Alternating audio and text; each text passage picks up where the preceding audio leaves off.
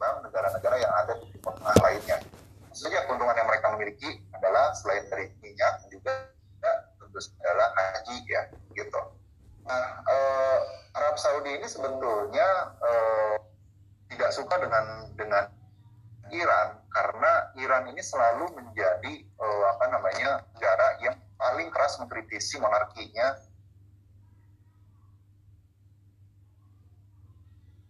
kemudian Indonesia tiba-tiba latah seperti ini, gitu ya latah dengan uh, apa namanya juga ikut-ikutan anti Syiah gitu ya. Ya sebenarnya Syiah sendiri sebetulnya jenisnya banyak, tidak semua nah itu merujuk kepada apa yang dilakukan di uh, Iran seperti itu ya. Itulah nah, kemudian salah satu contoh kecil uh, yang mungkin nanti kalian harus eksplorasi lebih dalam. Kenapa kemudian uh, secara identitas uh, Indonesia lebih dekat ke satu kawasan ketimbang kawasan yang lain seperti itu ya. Jadi uh, kawasan atau HI kawasan itu lebih banyak belajarnya ke sana. Jadi kalau Indonesia misalkan dekat nggak sih ke Amerika Serikat gitu kayaknya enggak ya. Kalau misalkan Amerika Serikat nah tentu saja lebih condongnya itu adalah menjadi uh, apa namanya best practice-nya lalu menjadi best practice-nya Australia dan juga uh, oke okay gitu ya. Nah, kalau regionalisme merupakan proses interaksi politik yang dikarakteristikan dengan munculnya kebijakan ekonomi, kerjasama, uh, integrasi, um, dan koordinasi antar negara. Gitu. Jadi kalau misalkan kita lihat di sini, uh, apa namanya, regionalisme itu sudah mulai masuk ke ranahnya itu adalah ke konteksnya itu eh, apa ya instruksi yang cenderung ke arah kerjasama gitu. Nah biasanya ini dibentuk dalam sebuah organisasi organisasi internasional. Ya, bisa saya atau tulisan saya banyak tentang ASEAN. Nanti kalian lihat aja sendiri di Google uh, di Google Scholars. Uh, tulis saja nama saya di Google Scholars nanti akan muncul dengan uh, sendirinya uh, tulisan-tulisan saya dan kalian tinggal pelajari saja di situ. Ya udah lama sekali nggak nulis di koran saya nulis di koran itu bicara tentang ASEAN tapi uh, apa namanya hmm, jadi begini ya kalau 2019 waktu itu kan udah saya ajari ya cara untuk nulis di koran nulis di koran itu penuh nulis uh, artikel populer jadi kalau sebagai step pertama kalau kalian misalkan memang harus dengan HI ya nulis dulu lah gitu ya nah nulis itu adalah skill yang nggak sembarangan orang punya gitu kadang ada orang yang bisa apa namanya uh, ngomongnya bagus ngajarnya bagus begitu nulis uh, payah gitu ya nah itu sering saya temukan tapi juga ada sebaliknya ngajarnya jelek uh, ngantuk bikin ngantuk uh, misalkan nah, saya dulu pernah diajar oleh profesor uh, siapa tuh yang di uh, UGM udah almarhum sih sekarang. Tapi begitu lihat tulisannya itu luar biasa. Jadi ada orang yang memang bakatnya beda-beda gitu ya. Nah, level S1 tentu saja ya kalian explore sendiri lah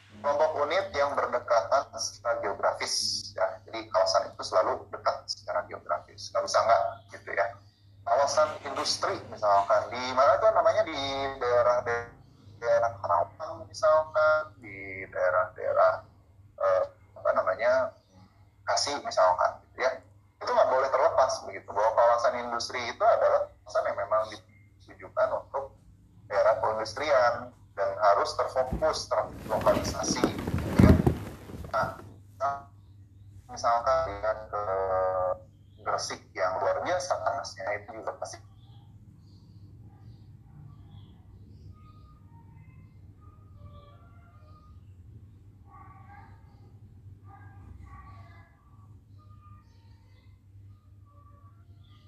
Di Soreang juga banyak beberapa nah, kenapa kemudian kawasan itu disebut kawasan industri dan e, kalau misalkan melihat dari e, ini kita bicara agak sedikit mikro ya.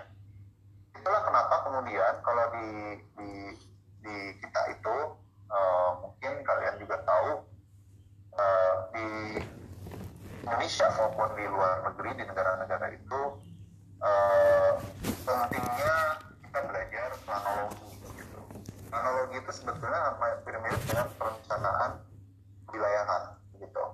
Jadi makanya kenapa kita punya rencana tata ruang wilayah daerah gitu. Supaya apa?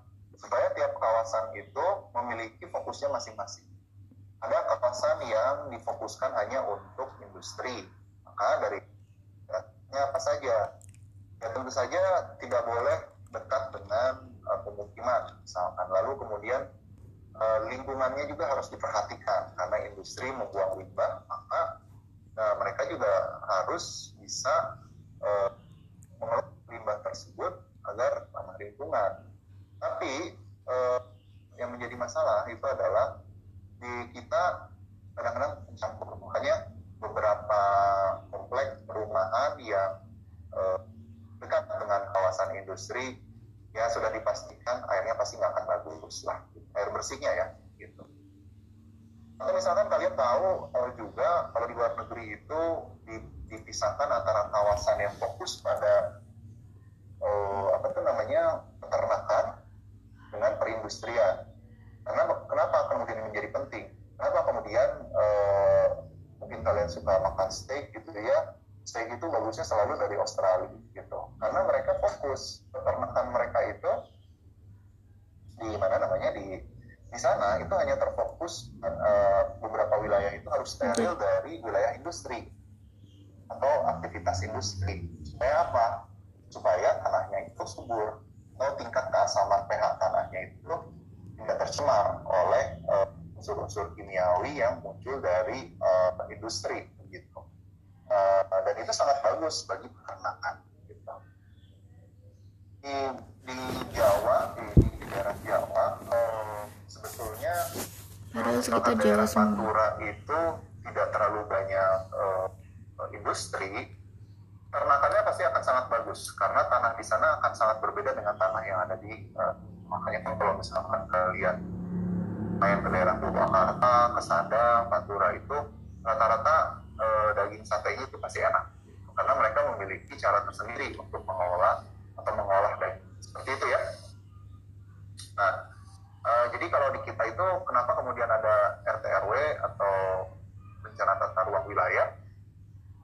Supaya uh, salah satunya itu adalah tiap usaha itu punya fokusnya masing-masing uh, dan pasti produknya akanlah sangat bagus ketimbang kalau dicampur. Gitu. Yang tadi saya contohkan itu misalkan di Jakarta. Uh, apa namanya peraturan daerah itu pasti akan sangat lama uh, apa namanya keluarnya karena ya nunggu pejabatnya datang juga lama begitu ya kira-kira seperti itu.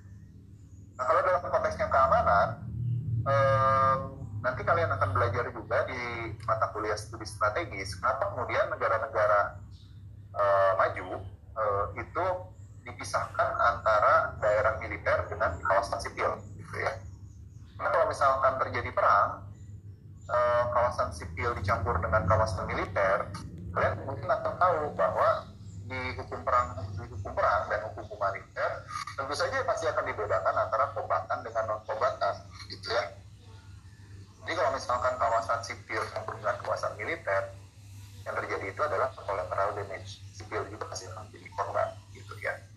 Cimahi banyak ya gitu uh, sebelahnya uh, militer uh, nggak jauh dari situ ada Momo gitu ya. Yang jelas terlihat itu adalah di uh, Sul ya Subroko uh, sebelahnya itu uh, ada uh, apa namanya batalion kavaleri. Seberangnya itu lebih dari satu kilo ada eh, gitu ya. Nah yang kayak gitu-gitu sebetulnya hanya nggak boleh harusnya.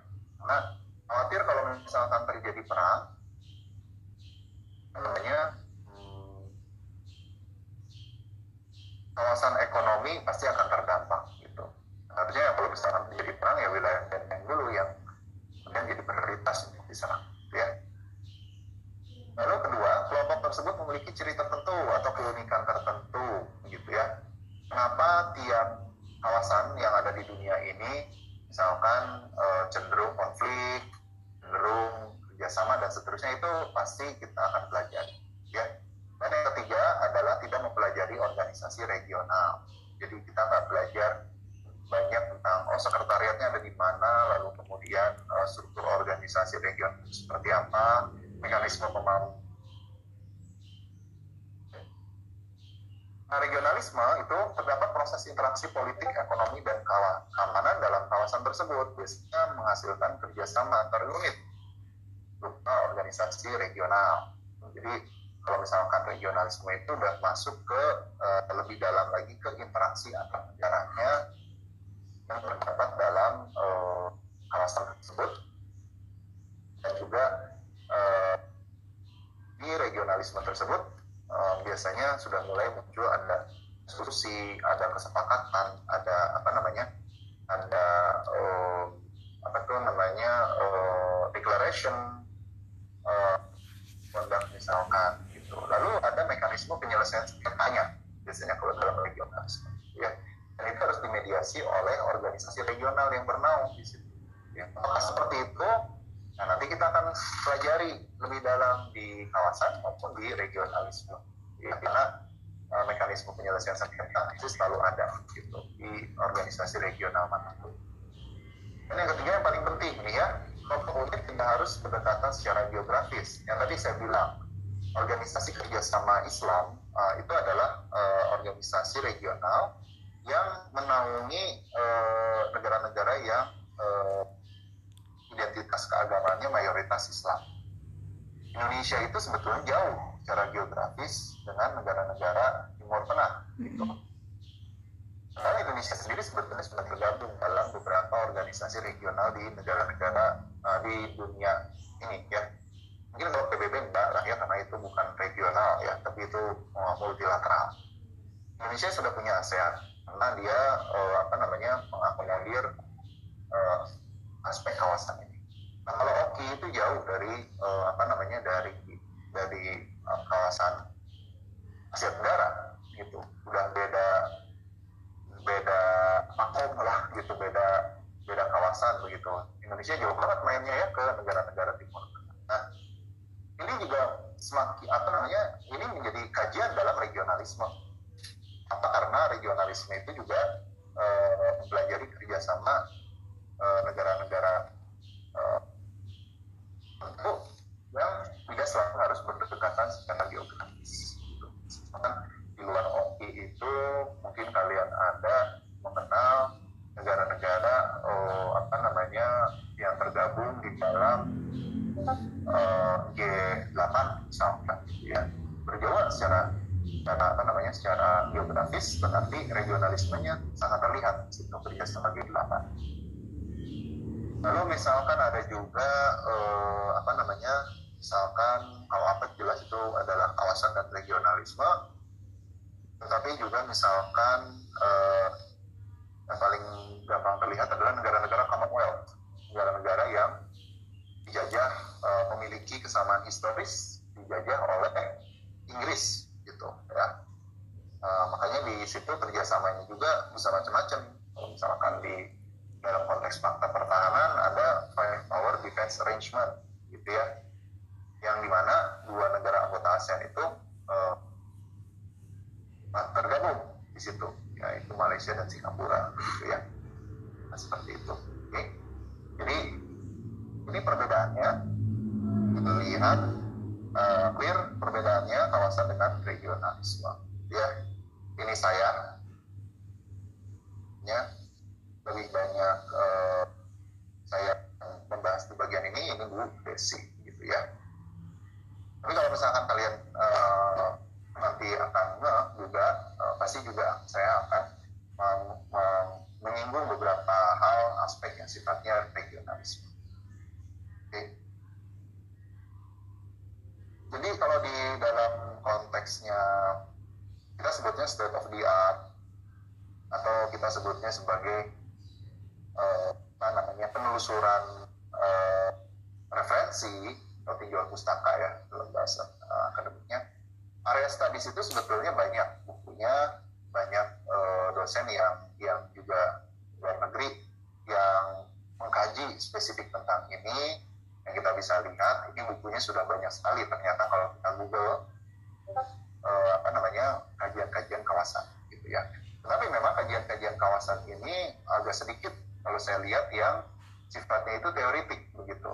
Setidaknya kalau yang sifatnya teoritik memang sudah ter atau sudah tertulis di dalam buku-buku yang mereka pelitkan.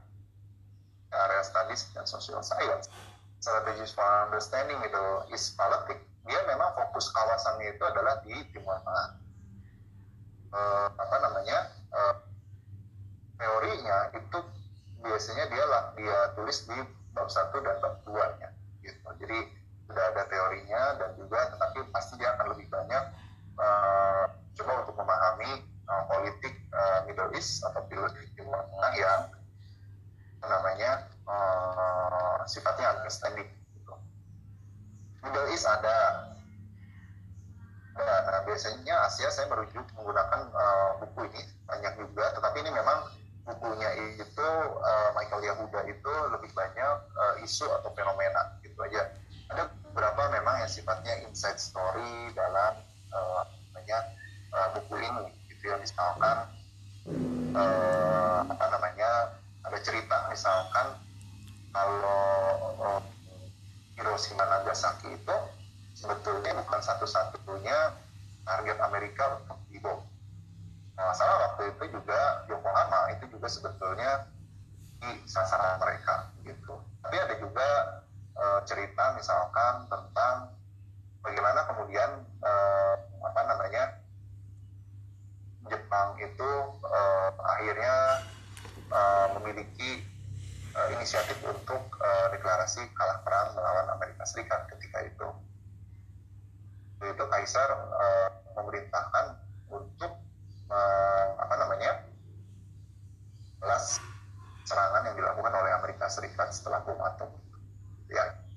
Tapi di sini kita akan melihat Asia Pasifik karena Pasifiknya kita masukkan, maka uh, Amerika Serikat juga masuk di sini mungkin kalian akan melihat ah, interaksi antara Amerika Serikat dengan China itu seperti apa sehingga musuh sekarang begitu ya ya tentu saja mungkin kalian sudah uh, sering uh, banyak mendengar di mana namanya di di berbagai macam media sosial yang berseliweran lah kira-kira kenapa uh, apa namanya COVID ini bisa muncul di eranya Donald Trump dan Xi Jinping uh, namanya apakah ini senjata. Rahasia dan seterusnya itu kalian uh, apa namanya bisa cari-cari sendiri ya. Itu sebetulnya kalau saya lebih lebih tepatnya untuk mem, apa namanya memahami tentang COVID ini kalau saya lebih lebih memuaskan ya. Bukan selalu benar tetapi lebih memuaskan dan menurut saya paling logis uh, itu adalah uh, kita memahaminya melalui perspektif food security. Oke, okay. Saya lanjut dulu Eropa juga ada gitu ya area studies di uh, Eropa. Kenapa kemudian Eropa itu terkadang menjadi uh, sumber dari segala sumber pemerintahan di dunia? Maksudnya apa? Uh, awalnya kita punya kerajaan, lalu kita juga punya aspek kedaulatan yang di, pertama kali dikemukakan oleh Jan Bodam, uh, sovereignty itu, lalu kemudian uh, apa namanya? Kenapa kemudian kita uh, selalu merujuk kepada Eropa kalau dalam aspek kedaulatan gitu? um, juga integrasi gitu ya. Jadi kalau misalkan kita lihat Uni Eropa itu selalu menjadi model best practice uh, organisasi-organisasi regional yang ada di seluruh dunia. dunia. Termasuk sebetulnya ASEAN, karena diharapkan uh, organisasi itu bisa mengatur negara-negaranya. Padahal kan enggak, karena kita lihat di, di tahun 2018 19 sampai 2020 Eropa itu sedang berkutat dengan yang namanya Brexit, British exit kan gitu. Nah, uh, kenapa kemudian ini menjadi unik begitu ya? Yang tadinya mempromosikan ke kerjasama, integrasi, kenapa kemudian uh, ketika negara-negara di dunia atau kawasan di seluruh dunia itu look up upon Europe, uh, look up upon uh, Uni Eropa, gitu, selalu mempelajari Uni Eropa sebagai role model uh, dari integrasi kawasan, tapi kemudian pecah gara-gara Brexit. Gitu. Ada apa, begitu ya? Kenapa bisa ini, bisa terjadi, begitu kan? Gitu. Nah, itu juga akan kita pelajari. Gitu. Jadi ketika kemudian ASEAN ya, itu dibentuk lalu kemudian uh, pengennya masuk seperti Uni Eropa begitu harapannya seperti Eropa, Uni Eropa supranational organization tapi sekarang kita bisa melihat apa yang terjadi di uh, Eropa melalui Brexitnya. Itu.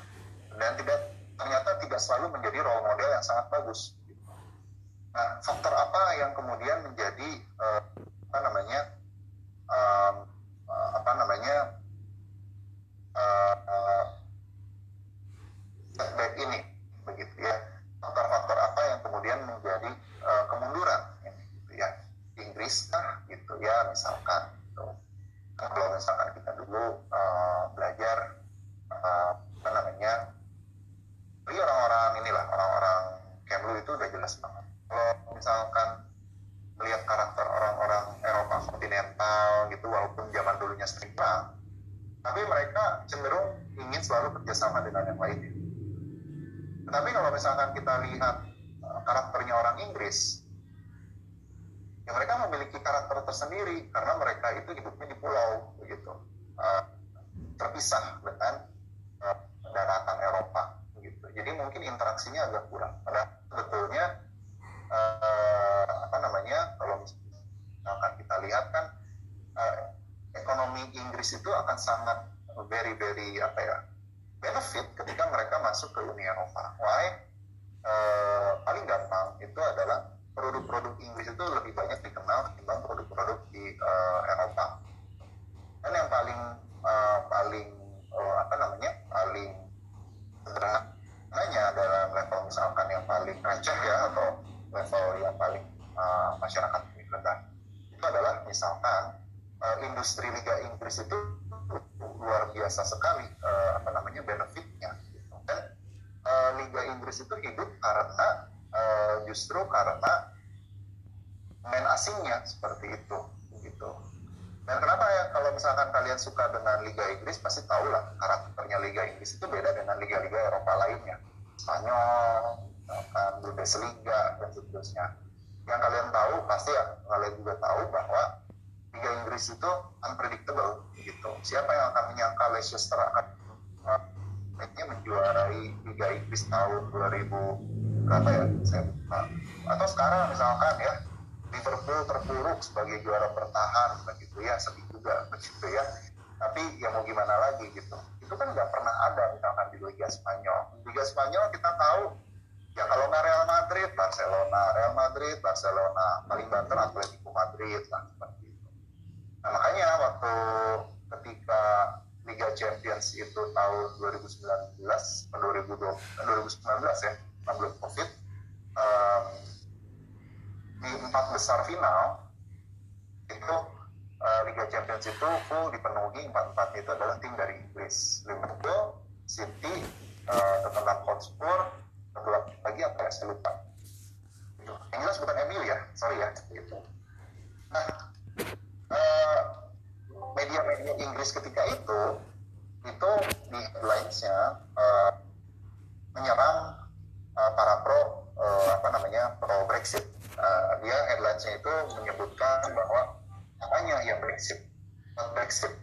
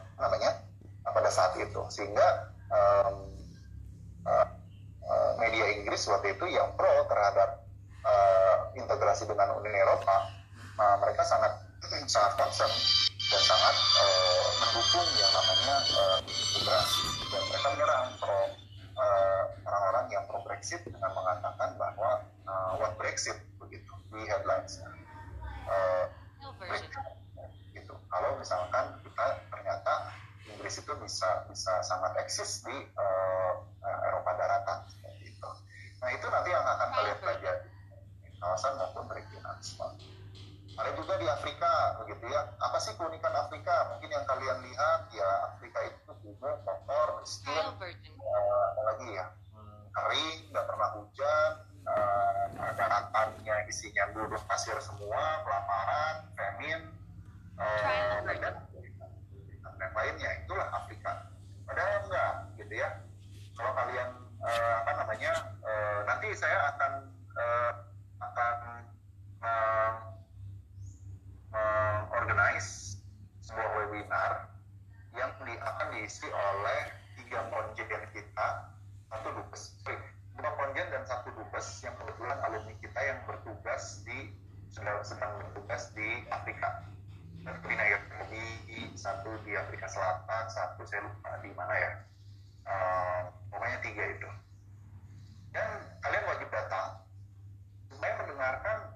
insight mereka tentang Afrika.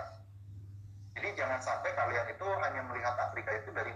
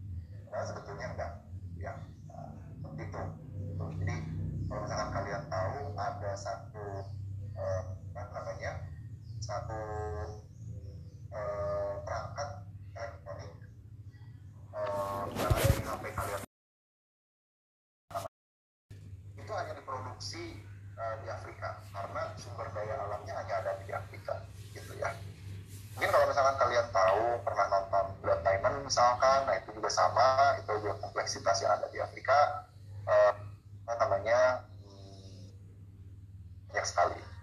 Ya tetapi yang tentu saja eh, kalau di Indonesia eh, itu sebetulnya beberapa eh, perusahaan swasta sudah mulai bekerja sama dengan kawasan beberapa kawasan di Afrika.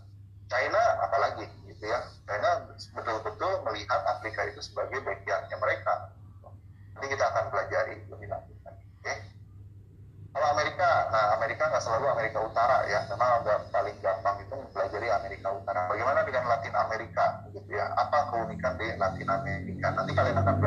di semester berikutnya di HI Amerika,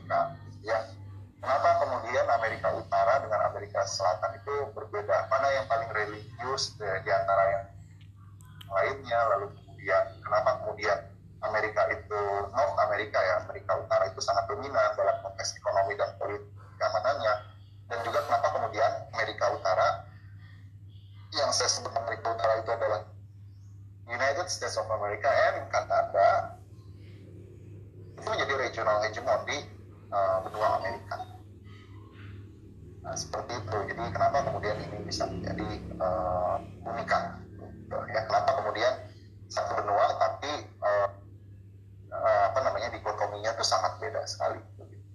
Ya, nah, seperti itu. North and South America area studies ini juga sama.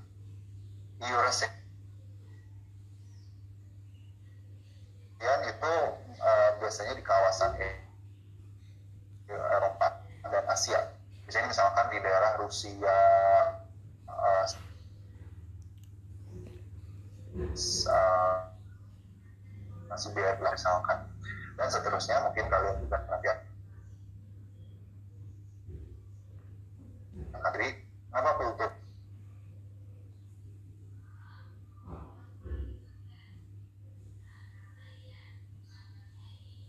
uh, atlet voli dari Kazakhstan apa Uzbekistan ya yang mukanya atau fisiknya itu very very Chinese, uh, very very Asian, tapi sebetulnya dia uh, Muslim dan uh, keluarga negara Kazakhstan gitu. Nah, tinggal cari aja di YouTube uh, ada yang menarik bahwa uh, apa namanya fisiknya itu very very Chinese gitu ya. Uh, fisiknya sangat Chinese, sangat sangat Asia sekali, uh, Jepang, uh, Korea Selatan. Tapi uh, dia adalah keluarga negara Kazakhstan uh, se, apa namanya bahasanya juga bahasa uh, tidak menggunakan bahasa Asia pada umumnya, ya.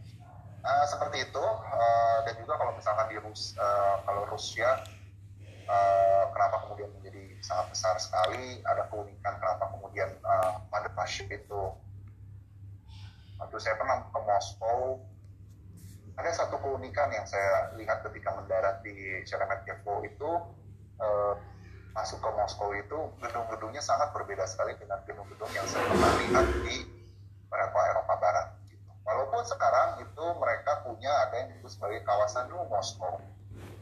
Jadi kalau kawasan New Moskow tidak lagi mencerminkan uh, arsitektur peninggalan perang dingin. Gitu. Ya kalau peninggalan perang dingin kan seperti Kremlin, lalu kemudian uh, University of Moscow itu juga uh, apa namanya sangat kental suasana perang dinginnya, sangat kental arsitektur uh, perang dinginnya sangat kental arsitektur komunismenya. Tapi kalau misalkan kalian main sempat main ke Moskow, lalu kemudian kalian lihat ada New Moskow ya, kalian akan tahu bahwa eh, apa namanya hmm, New Moskow itu beda. Oke ini udah jam 9.30 ya, jadi jurnalnya juga sudah ada. Jadi aspek yang dieksplorasi dan jelas seperti ini eh, ada keunikan yang kita cari itu adalah keunikannya. Ya, jadi intinya kita akan pelajari itu adalah tiap kawasan memiliki ceritanya masing-masing. Ya ya ini agak puitis tapi uh, setidaknya yang kita eksplora eksplorasi itu adalah kawasan itu ceritanya apa sih? Keunikannya apa